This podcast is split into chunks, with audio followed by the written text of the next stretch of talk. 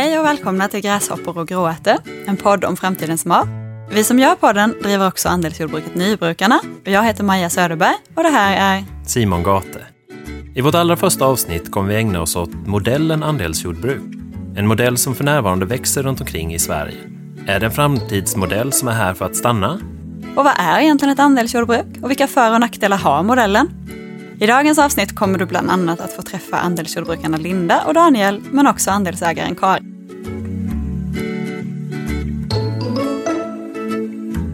Men vad är då ett andelsjordbruk? Jag tänker att det finns tre delar som sticker ut och det är att det finns ett direkt partnerskap mellan konsumenten och producenten. Vad, vad innebär det? Direkt partnerskap? Alltså... Att man egentligen har ett avtal tillsammans eller att man känner varandra eller kommunicerar direkt med varandra utan mellanhänder. Ja. och kombinerar man det med långa avtal och en delad risk och belöning så har man liksom Det är det som är skillnaden då, an, skillnaden då på andelsjordbruk egentligen? Eller fördelarna eller? Ja men tänk dig, eh, du odlar ju bin, Ja. höll jag på att säga, honung Ja. kanske man odlar. Ja. det är ganska kul att odla bin. ja, vi kan säga att vi odlar bin också. Eh, tänk att du skulle börja sälja din honung också och inte bara äta upp den själv. Ja. Eh, och göra det i ett andelsjordbruk eller i ett andelsmodell. Då skulle du ju ha, säg att en bikupa räcker till, hur många personer räcker en bikupa till? ja, det är helt beroende på året det är ju. Men säg att du säljer en andel, du delar en bikupa med fem personer Ja, och så får de varsin femtedel var. just det. Och då bestämmer du att men en andel av den här bikupan kostar det här året så här många kronor. De betalar det, helst i förskott till dig. Och du sköter om bina, tappar upp honungen på slutet och delar den på fem. Ja, det är en enkel modell, måste man säga. Men det är, också, det är också bra, tänker jag, att eh, ifall jag skulle göra det så får jag pengarna i början av säsongen. För det innebär ju också att jag i så fall kan investera i material och nya bisamhällen och kuper och liknande då i början av säsongen. Precis. När det behövs. Och när det gäller biodling så kanske det funkar att du får alla pengarna i början av säsongen. Men när det gäller grönsaker så kanske det är så lång säsong och så mycket så då kanske man ändå delar upp betalningarna månadsvis eller i två eller sådär. Mm. Så det är egentligen det här, det som skiljer andelsjordbruk stort mot andra modeller är ju det, den här direktkontakten man har med sina ja, andelsägare eller liknande då. Är det inte så? Ja, och det tänker jag är en av de stora poängerna att eh, dagens matproduktion är så... Ja, men man vet inte var grejerna kommer ifrån. De har åkt långt. Eh, det är svårt att spåra hur... Ja, vad har man sprutat på den här grönsaken eller hur har det här djuret haft det? Eh, att poängen är att man faktiskt har direktkontakten och tilliten mellan varandra och kan åka och hälsa på bonden eller eh, kan följa med en film eller på Facebook eller sådär. Ja, det, det är ju en helt annan överblick av sin egen eh, mat som man äter sen i slutändan. Ja. Ja, det känns som en trygghet, alltså, Ja. lite den här känslan av att höra till och förstå det man... Sammanhanget. det man gör. Ja, jag tror det. En del i sammanhanget. Det som ska till den här biexemplet är väl då att går det dåligt ett år så betalar man ju lika mycket för ganska lite honung. Mm. Eller ingen honung om bisamhället skulle dö. Eh, men går det bra ett år så får du ganska mycket honung för pengarna du har betalt.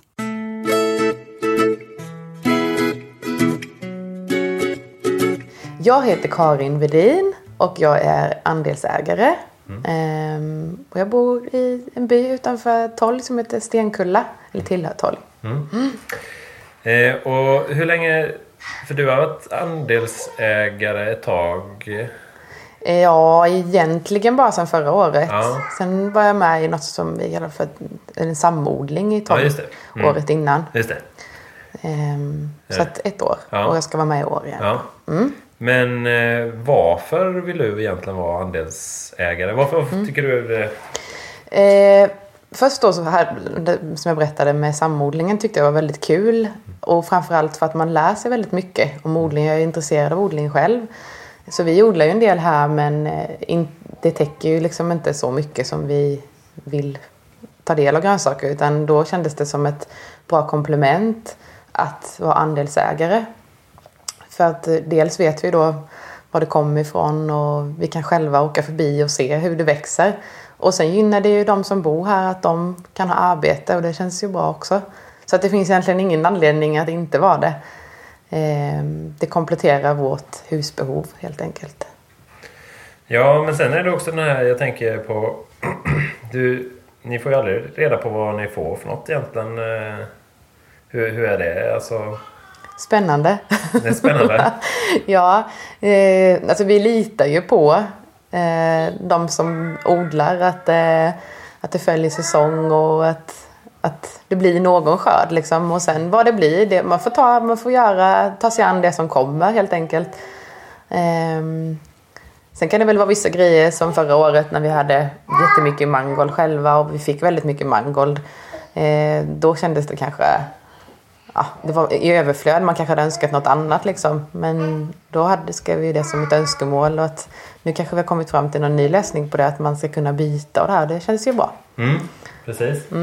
Ja, för det är ju lite speciellt eh, koncept egentligen det här just att man går in eh, och de, delar på det som andelsägare och eh, andelsjordbrukare. Att man delar på riskerna och, och skörden också. Är det ju. Sen är det ju en fördel att vi har haft möjlighet att önska. Alltså grejer som vi tyckte var gott från förra året och som... Eh, att det blir... Eh, att man har en chans att påverka det också liksom. Eh, men absolut, det är ju... Man vet ju inte alls, man förbinder sig och sen så litar vi på er. Ja, precis. Ja, det är det. Nej. Nej, för det är lite det... Det är lite det vi har tänkt om och, och prata just om den här eh, relationen. Mellan, Ja. Är det någonting som... eh, Ja, Bamse. är det. Eh, för det... Jag tänker också att, alltså att det ger en kunskap och en lärdom till många som kanske inte riktigt... Men man, man förväntar sig att man kan gå till affären och köpa vilka grönsaker man vill året runt. Och liksom, man tappar lite den här känslan var det kommer ifrån utan man bara vet att det ska finnas i affären. Och det, det är lite den grejen också tycker jag, att det skapas ett lärande i det. att Ja men nu fick vi ingen, vi säger nypotatis i år för att det, det var för kall vår till exempel. Och då, ja, men då är det så, då, då, då förstår man också att, hur det hänger samman liksom.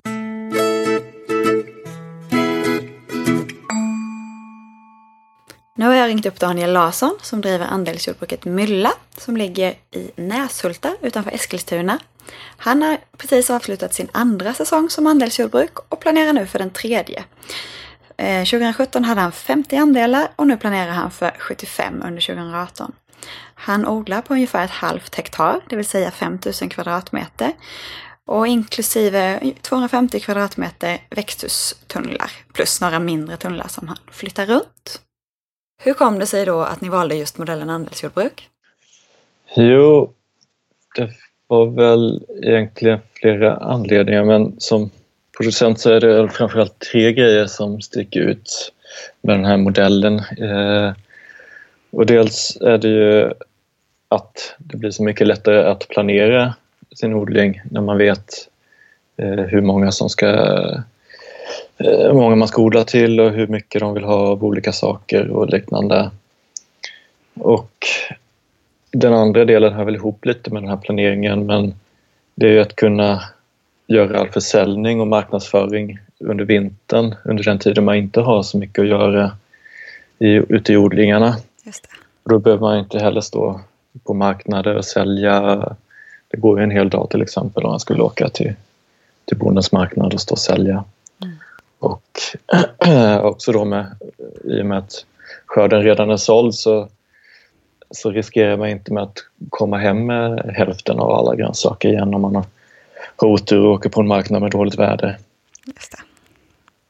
Och sen är den tredje anledningen att eh, man, man är en del av en gemenskap. Det översätts ju lite dåligt från engelska med community supported agriculture men det är ju faktiskt så att man är en del av samhället eller närområdet, jag vet inte. Men du är väl ganska nyinflyttad också i Näshulta? Eh, har det varit ett sätt att lära känna folk där? Det har det ju definitivt varit. Helt plötsligt så även om jag fortfarande inte vet vem alla är här omkring så vet de flesta redan vem jag är. Just det. Eh, Ja, nej men det, det har verkligen känts Mm. Så man äh, har blivit välkomnad i, i den här bygden på ett, på ett fint sätt. Mm. Äh, många som har varit väldigt positiva till den här idén och jag tycker det är jättekul.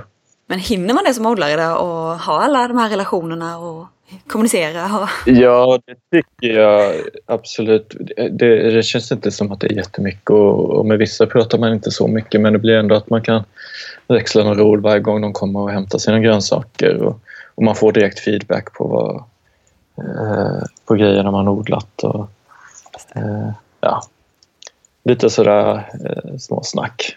Mm. Och man kan också ibland få hjälp med saker folk erbjuder sig om de har något eh, någonting som någon, någon idé eller material eller någonting som de vill tänka att det kanske jag kan vara intresserad av.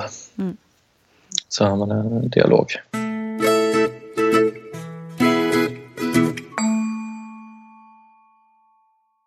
Nu sitter jag här med Linda Isaksson som driver andelsjordbruket Torsåkers gårdsprodukter tillsammans med sin kollega Therese. Gården ligger vid Ångermanälven mittemellan Sollefteå och Kramfors. Och de förbereder nu för sin fjärde säsong. De har 50 andelar. Hälften av dem säljer de till offentliga kök i Kramfors kommun, vilket de har gjort under ett antal år nu. Sju andelar går till lokala restauranger och resterande till privatpersoner. De levererar varannan vecka till kommuner och varannan till restaurangerna och privatpersonerna. Och de odlar en yta på ungefär ett halvt hektar, eller 5000 kvadratmeter. Hur kom det sig att ni startade och startade just andelsjordbruk då? Var, var fick ni idén ifrån och hur, hur blev det? Mm, alltså, vi har velat odla, eh, eller drömmen om att ha en gård och odla har funnits ganska länge hos båda oss två. Eh, delvis gemensamma drömmar och delvis på varsitt håll. Eh, vi var båda två i Tanzania på resa eh, i början av 2000-talet eh, i samband med en folkhögskolekurs. Och då eh, diskuterade vi i kursen väldigt mycket om fattigdomen i världen och orättvisor och sådana saker. Och det som vi tillsammans, eller någon slags lärdom från det året var att eh, om vi ska göra någonting för den här världen så behöver vi göra det här. Mm. Vi kom i kontakt ganska mycket med bistånd och projekt som ämnade till fattigdomsbekämpning.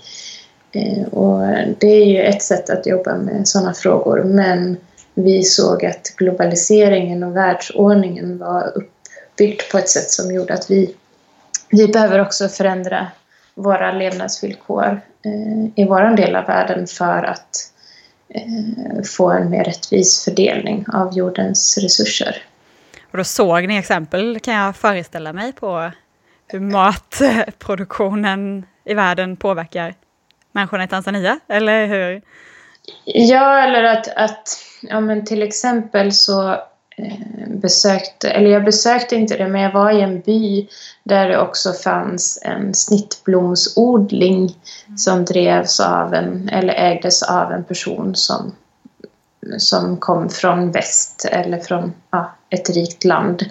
Eh, och den produktionen krävde ju jättemycket vatten, vatten eh, och också en hel del mark då. Eh, som skulle, ja men det så, så så vart ju pengarna, alltså förtjänsten av det blev ju inte hos lokalbefolkningen och eh, vattnet behövdes ju till andra saker än till snittblommor kan jag tycka. Då. Mm. Så. Spännande, så det är egentligen att, att odla grönsaker i Norrland, det är egentligen ett sätt att, vad ska man säga, istället för att jobba med biståndsfrågor, att göra, försöka nå samma sak? Ja, mm. det är en, en av, en av liksom anledningarna och kanske där de här tankarna började. Och sen har det ju kommit andra andra aspekter in i det längs vägen. Så. Vilka då? då? blir jag nyfiken. ja, nu ska vi se här. ja, men dels så är det också ett, ett, en säkerhetsdimension i det här. Att eh, om det händer en katastrof i världen som gör att transporterna inte fungerar som de gör nu så är vi ganska snart utan mat. Eh, eller utan tillräckligt med mat i alla fall eh, här, eh, speciellt i norra Sverige. Skåne kanske går lite bättre, men, men vi behöver en mer lokal matproduktion utifrån ett säkerhetsperspektiv helt enkelt. Ehm, men också utifrån ett transportperspektiv, att nu transporterar vi eh, mycket mat och det funkar på grund av att vi har billig olja. Men eh, det är ju som det som det, som det liksom är beroende av. Så.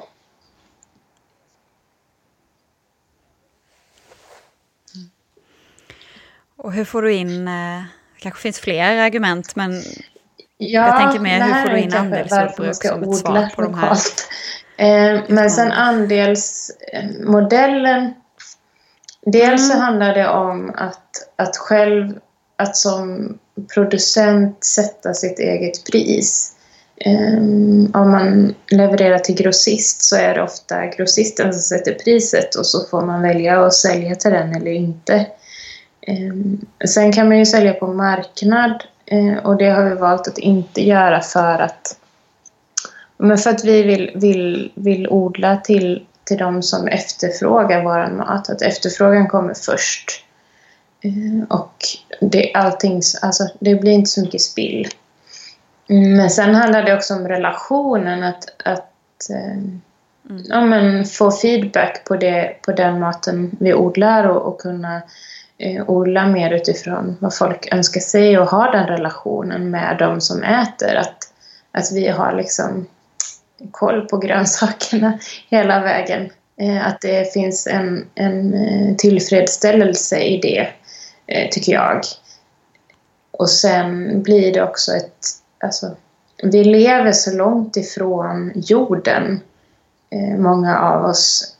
Det är ju en av anledningarna till att jag har valt att jobba med jorden, är för att få en närmare relation till, till den. Eh, och genom att sälja direkt till eh, de som äter maten så får de en närmare koppling till den jorden också.